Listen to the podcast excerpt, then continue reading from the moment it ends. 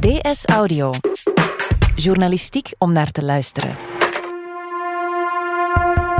Als alles goed gaat, worden in juli drie nieuwe toestellen gelanceerd richting Mars. Zonder de coronacrisis waren het er zelfs vier geweest. En daarmee knalt de nieuwe ruimterace harder dan ooit. Een halve eeuw na de maanlanding lijkt Mars, de rode planeet, de next frontier.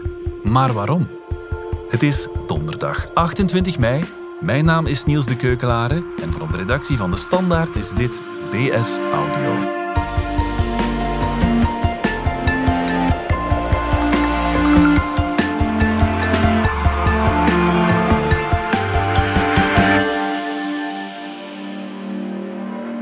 Wie herinnert zich dit nog? Dit was de jingle van Bits en Atomen. De oerpodcast van de Standaard over wetenschap en technologie. Een van de oerpodcasters van toen was wetenschapsjournalist Pieter van Doren. Een man met een geweldige bariton. Vorige zomer ging hij met pensioen en toen stopte Bits en Atomen. Maar vandaag keert Pieter heel even terug met zijn compaan van toen, Dominique Dekmeijer.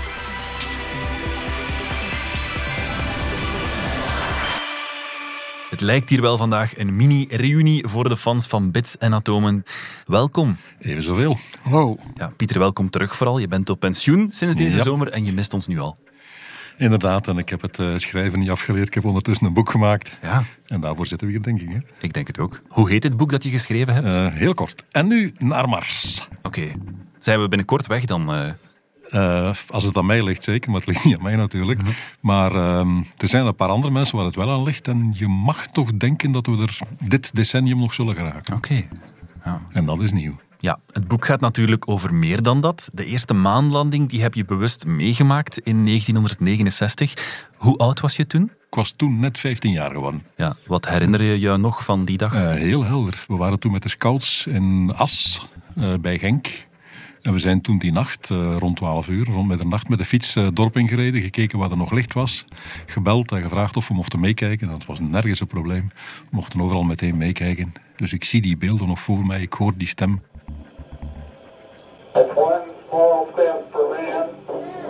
Hoewel ik het toen niet begrepen heb. Het kraakte en het piepte zo.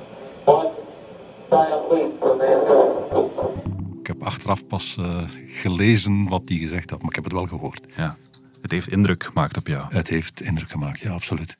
En niet alleen op mij, het was toen algemeen het idee van, kijk, eh, de maan dat is de eerste stap. We zijn eh, naar de maan, we gaan gewoon op dit elan door. Het, het lukt allemaal perfect. Eh, elke maand ging er wel iets omhoog, altijd hoger, sneller, beter. Op dit elan moeten we voort. We, dit was de eerste stap, we gaan nu de ruimte in. Dat dacht iedereen. En Behalve de Amerikaanse politici. En het is er dus nooit van gekomen. De bedoeling was de Russen de broek afdoen.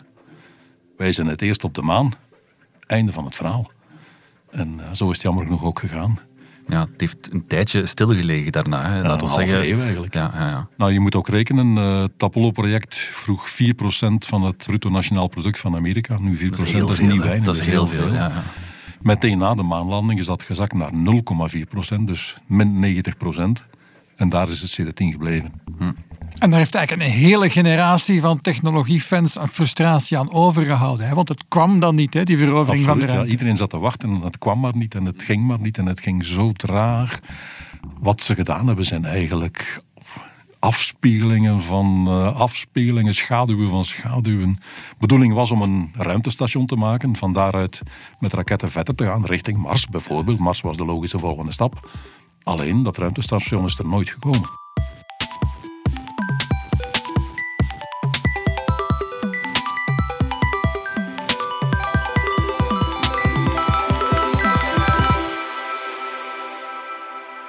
Het lag dus zo'n 50 jaar stil, maar nu is de interesse in de ruimte weer volop aangewakkerd. Van waar komt die hernieuwde interesse? Eh, er is eigenlijk maar één naam, Elon Musk. Oké, De man die al eh, de hele auto-industrie op zijn kop gezet heeft en bewezen dat elektrische auto's wel degelijk eh, zin hebben. En dat het nu maar eens moet gedaan zijn met de voeten slepen. En hij is nu in de ruimtevaart net hetzelfde aan het doen. En de opening daarvoor is eigenlijk ontstaan doordat er nog maar meer bespaard werd bij de NASA eigenlijk, bij de Amerikaanse overheid. Want ja, de, de space shuttles konden dan niet meer vliegen naar het ruimtestation. Dan moest er iets in de plaats komen.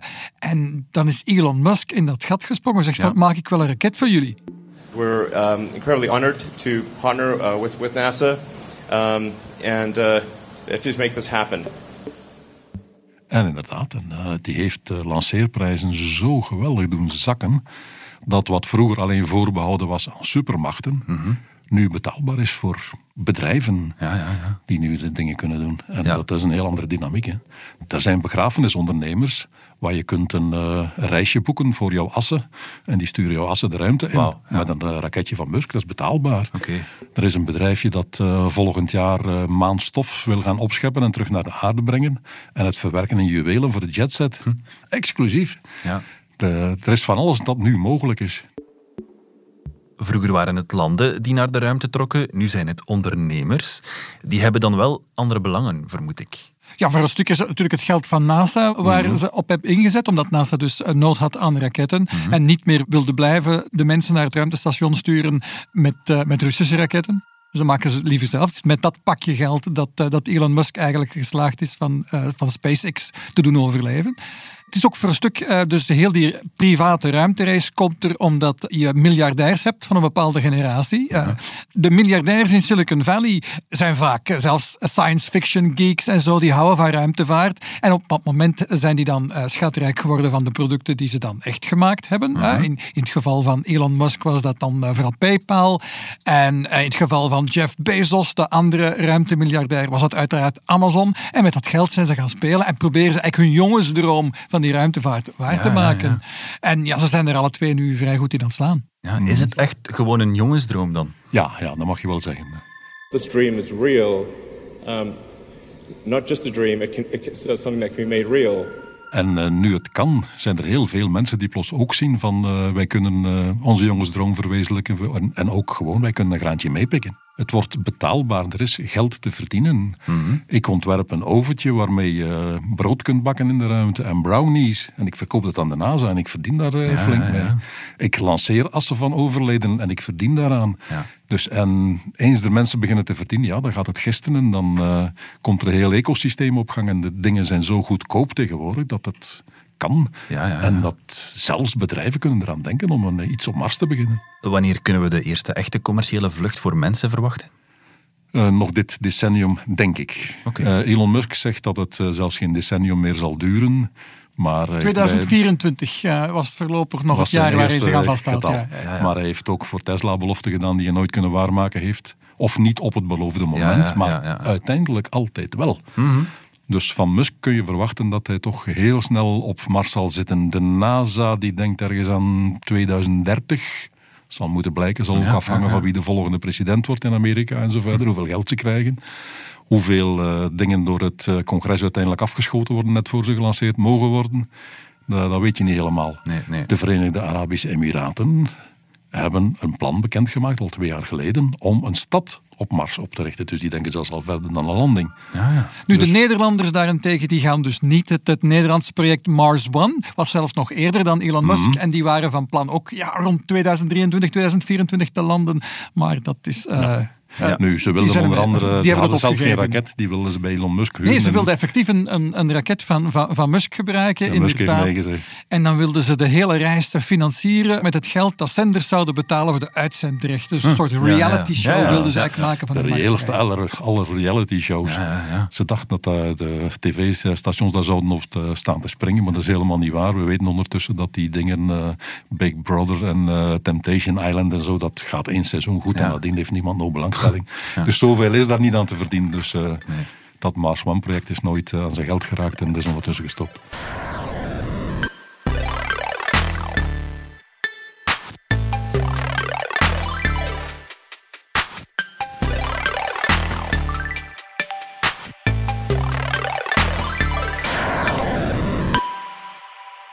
Waarom wil iedereen specifiek naar Mars?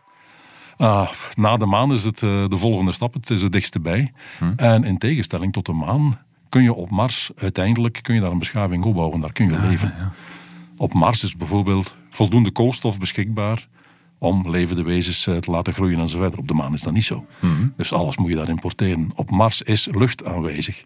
Het is geen lucht die we kunnen ademen op dit moment, maar het is voldoende om er brandstof mee te maken en om er zuurstof uit te halen. Mars heeft een dag van 24 uur, plus 40 minuten, maar daar kijken we even niet naar. Wat betekent dat dat voor ons biologisch systeem perfect werkt. Ja. Dat dat geen gezondheidseffecten heeft. Eh, dat planten in het zonlicht gewoon kunnen opgroeien met een eh 24-uursdag. Wat op de maan allemaal niet kan. Op eh, de maan zijn veel minder metalen. Op de maan is geen zand bijvoorbeeld. Zand is de basis van glas, glasvezels. Is de basis van chips. Is de basis van zonnecel. Kun je allemaal op Mars maken. Je kunt op Mars bakstenen maken. Je kunt op Mars eh, heel gemakkelijk eh, ijzer winnen. Dus je kunt daar een beschaving opbouwen. Ja. Zeg maar waarom vertrekken we dan morgen nog niet? Wat houdt ons nog tegen? Eh, geld en eh, technische dingen. Hè. Die raket van eh, Musk is er bijna, maar nog niet helemaal. Maar inderdaad, er is niks effectief dat ons tegenhoudt. Schrik een beetje voor de gezondheidseffecten onderweg. ja, die gezondheidseffecten, wat weten we daarover? Is daar al onderzoek naar gedaan? Er is heel veel onderzoek naar gedaan, maar we weten gewoon nog heel weinig. Er zijn uiteindelijk eh, 27 mensen eh, buiten de aardbaan gegaan en naar, naar de maan gepasseerd. Maar niemand is verder aan de maan gegaan. Niemand is langer dan een week buiten de, de aardeomloop geweest. Dus wat de effecten zijn van straling, van gewichtloosheid op heel lange termijn, dat is allemaal niet, niet zo duidelijk. Ja. Dat zullen we moeten ondervinden. Ja. Hoe worden mensen daarop voorbereid? Of is dat nog niet... eh, Jawel, eh, men probeert eh, bijvoorbeeld een van de dingen waar we wel kunnen aan werken is de psychologie. Je stopt daar mensen in een blik en doos voor maanden. Als je zo op mekaars lip zit, je kunt zelfs met jezelf niet meer overweg. Nee. Dus daar kunnen de psychologen aan werken en daar wordt ook aan gewerkt. Er zijn allerhande trainingen, testen waar men mensen eh, in een cilinder opsluit of in een caravan op Hawaii zet in een landschap dat ongeveer zoals Mars is. En ze kunnen er alleen uit in een Marspak enzovoort enzovoort. We hebben ervaring met Zuidpool-expedities die daar eh, moeten overwinteren en die dan maanden in het donker eh, zitten en niet buiten kunnen omdat er buiten gruwelijk slecht weer is. Ja, wat komt er dan uit zo'n studies bijvoorbeeld? Hebben ze daar al iets uit geleerd? Ja, je, je moet heel goed werken aan de samenstelling van je ploeg. Je moet zorgen dat de mensen compatibel zijn. Je moet persoonlijkheden hebben die eh, vlot met andere mensen om kunnen, die zichzelf niet altijd voorop stellen, die eerder in functie van de groep dan van zichzelf denken. Dus je kunt psychologisch wel al eh, portretten schetsen van mensen die dat soort reizen het best gaan kunnen overleven. Dat lukt. Ja. Men is bezig met tests met eh, mensen toch een jaar in gewichtloosheid eh, te zetten op het ruimtestation om te kijken wat daar de medische gevolgen van zijn. Men heeft een tijdje geleden de helft van een tweeling omhoog geschoten. Dat is Zijn broer, ook een astronaut, bleef dat jaar beneden. En ze hebben die twee dus een zo gelijk mogelijk leven gegeven en dan vergeleken. En naast eh, de Amerikaan eh, was er ook een Rus die ook een jaar boven gebleven is, in exact dezelfde omstandigheden. Die Amerikaan en die Rus zijn vergeleken. Ja. Dus men, ja, men probeert toch. Ja, ja, ja. Maar bijvoorbeeld of we kinderen gaan kunnen krijgen op Mars, nobody knows. Zo'n reis naar Mars, hoe lang duurt dat? Tussen twee en zes maanden, een beetje afhankelijk van hoe aarde en Mars ten opzichte van elkaar staan. Ja. Nu in juli staan ze heel dicht bij elkaar. En om de 26 maanden herhaalt zich dat. Ja, ja. Dan hebben we weer een moment dat het eh, kort zal zijn. Nee. Maar dan nog moet je op een paar maanden rekenen. ja, ja. Oké, stel dat jullie morgen de mogelijkheid hebben om te vertrekken naar Mars. Is dat iets dat jullie zouden doen? Ik denk het wel. Ja? Natuurlijk, tussen denken en doen is altijd nog een stap. Je moet vrouwen en kinderen achterlaten. Dus ik, als het echt heet wordt, zal ik misschien toch eens nadenken. Maar vanuit mijn, mijn hart gesproken, ja, meteen. Ik heb gehoord dat je al een instapkaart hebt eh, voor te vertrekken. Ja, inderdaad, die ligt eh, op mijn nachtkastje. Ja? Heb ik van de NASA gekregen. Ja, hoe krijg je dat zoiets? Eh, de NASA is heel goed in PR en die hebben op een bepaald moment een actie gelanceerd waarbij je zo'n instapkaart voor een eh, Marsvlucht eh, kon krijgen, gewoon als, als gimmick. Ik heb natuurlijk meteen ingetekend en ik Ja. heb nu een met een eh, nummer met heel veel cijfers erop dat eh, zegt Ja. dat ik mee mag. Ja, Dominique, hoe zit het bij Je jou? bent, je bent wel minstens een, ik denk een paar jaar eh, weg. Hè? Je Ja, je moet moet altijd zes, rekenen, zes maanden heen en dan, eh, Tweeënhalf jaar toch, ja. en dan wachten op het juiste lanceermoment om terug te komen. Ja, tweeënhalf- dat is toch, wel- is toch wel even. Hè? Ja. Ja, en dat is dan bovendien nog met terugkeer. Hè. Je kunt ook vragen, ga je er blijven? Ja, dat was het oorspronkelijke idee. Natuurlijk, die mensen van Mars One hadden, hadden gezegd: we hebben nog geen technologie om naar daar te gaan met een raket die opnieuw kan opstijgen. Maar weet je wat? We gaan, dus, eh, we gaan dus one way en we zetten die Mhm. mensen daar gewoon neer en dan hoef je niet terug te komen. Ja, en daar is vraag naar. Er zijn mensen die dat eh, zouden willen doen.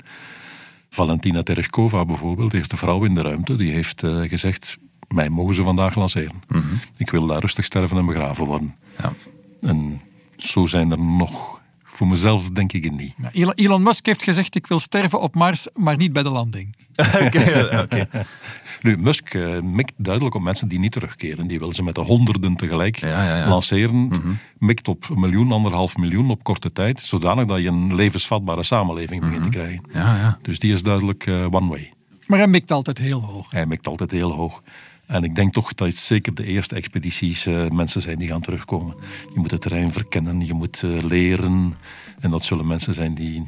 Dat zijn weer andere types. Dat, dat eh, zijn niet de pioniers die, die willen blijven. Ja. Maar nadien komen de mensen die willen blijven, denk ik. ja.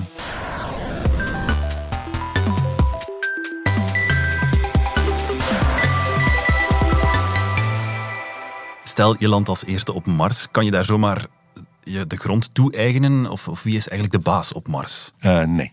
Eh, het, eh, er is een ruimteverdrag uit 1967. Ja. En dat zegt ruwweg dat je op Mars ongeveer moet redeneren zoals op open zee. Dus je kunt daar niks claimen, niks is van jou. Maar je kunt daar wel alles weghalen. Op open zee kan niemand jou tegenhouden om te vissen. Je moet aan niemand vragen, mag ik hier vissen? Maar je kunt ook niet zeggen, hey, dit stuk zee is van mij. Nee, het is van iedereen. Ja, ja, ja. En dat blijft dus ook op Mars zo. Je bent geen eigenaar van de grond. Maar, zeggen de Amerikanen heel duidelijk, je bent wel eigenaar van wat bovenop die grond staat. Eens jij daar bent en je hebt daar een basis, mag niemand op jouw kop landen. En heb je het recht om in dat geval jouw luchtafweer in, in actie te brengen. En als je schiet, staan wij als Amerika achter jou. Gaan we binnenkort een spacewalk krijgen dan? Of, eh, Eh, ik denk eerder aan de Far West. Je moet het een beetje in, in die stijl zien, denk ik. Eh, Ja. Die met de grootste revolver wint. In de Far West was het ook zo. Je kon daar grond claimen. Zal op de, Mars, eh, op de maan ook zo zijn. Wie er eerst is, die heeft het punt. Ja. En ook al is de grond onder hem niet van hem, eh, hij, hij zit er wel en de rest moet er maar omheen gaan. mhm. Als we Mars bereikt hebben, wat wordt dan de volgende planeet waar we naartoe gaan? Eh, de volgende zal waarschijnlijk geen planeet zijn, maar zullen de planetoïden zijn. Hmm. Tussen Mars en Jupiter eh, zwerft een heleboel eh, ja, keien, eh, rotsen, eh, kleine planeetjes, maantjes rond. En die stikken van de metaal. Dus daar is aan mijnbouw heel, een en ander te, te verdienen. Ja. Dus dat zal zeker de volgende stap zijn. Oké, Pieter van Doren, Dominique Tekmijn, dankjewel. Graag gedaan. Dit was DS Audio. Wil je reageren? Dat kan via dsaudio.standaard.be. De referenties naar het boek van Pieter van Doren en Nu naar Mars vind je in het artikel of de show notes bij deze podcast. In deze aflevering hoorde je Pieter van Doren, Dominique Dekmijn en mezelf Niels de Keukelare. Ik deed ook de redactie, de eindredactie gebeurde door Anna Korterink. Brecht Plasgaard deed de audioproductie en schreef ook de muziek die je hoorde in deze podcast. Chef audio is Wouter van Driessen. De extra audiofragmenten die je hoorde kwamen van Reuters. Vond je deze podcast interessant? Weet dan dat je er elke werkdag één kunt beluisteren. Dat kan via de DS Nieuws app of via standaard.be-audio. Je kunt je ook abonneren via Apple Podcast, Spotify of de podcast-app van je keuze. En als je daar dan toch bent, schrijf gerust een review. Zo toon je ook anderen de weg. Morgen zijn we er opnieuw.